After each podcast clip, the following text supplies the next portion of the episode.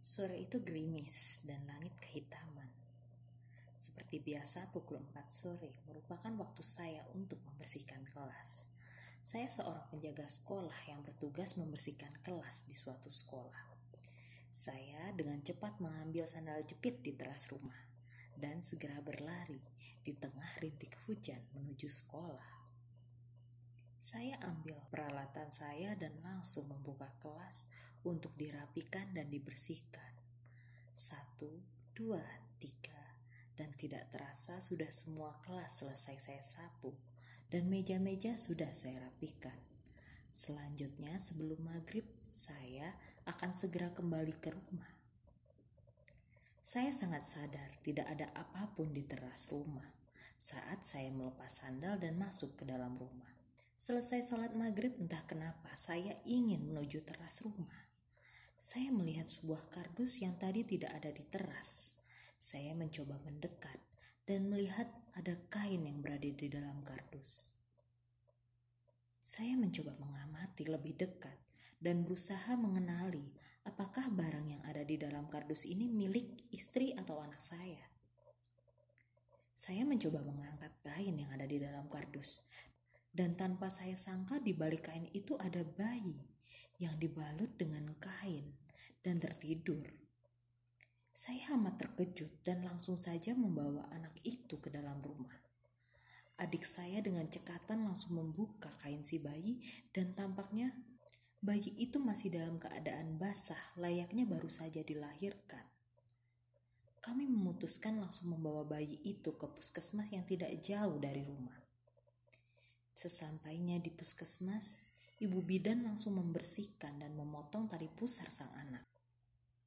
Ibu bidan menyarankan untuk saya segera melaporkan hal ini kepada pihak kepolisian. Saya saat itu tidak memiliki kendaraan dan bingung harus ke kantor polisi dengan apa. Ada seorang bapak yang berada di depan puskesmas dengan sepeda motornya. Saya langsung minta pertolongan kepada bapak itu untuk mengantar saya. Bapak itu langsung saja bersedia mengantar saya menuju kantor polisi. Setibanya di kantor polisi semua berjalan lancar dan besok Bapak polisi akan datang dengan bekerja dinas sosial. Malam ini anak itu akan tetap berada di rumah saya, sehingga pihak kepolisian meminta tolong saya untuk merawat anak itu malam ini. Selesai semua urusan, saya langsung berpamitan dengan pihak kepolisian dan mengajak Bapak yang tadi mengantar saya untuk mengantar kembali saya ke rumah. Saya juga mampir ke anjungan tunai mandiri untuk mengambil uang.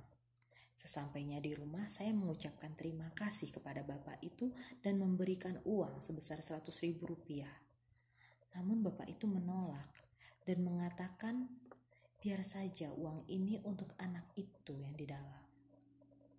Sang bapak langsung memutar kendaraan dan meninggalkan rumah.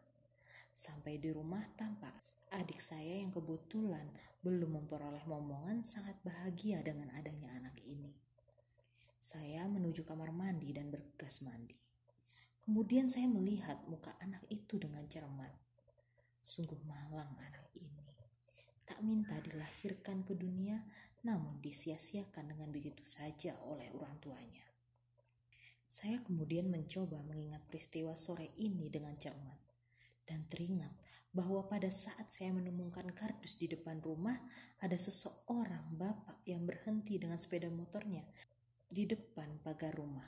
Warna jaket dan helm bapak itu sama dengan bapak yang tadi mengantar saya ke kantor polisi. Sejenak saya tersadar dengan kalimat bapak itu saat saya memberi uang. Dia menolak dengan mengatakan, biar uang ini untuk keponakan saya tadi saja.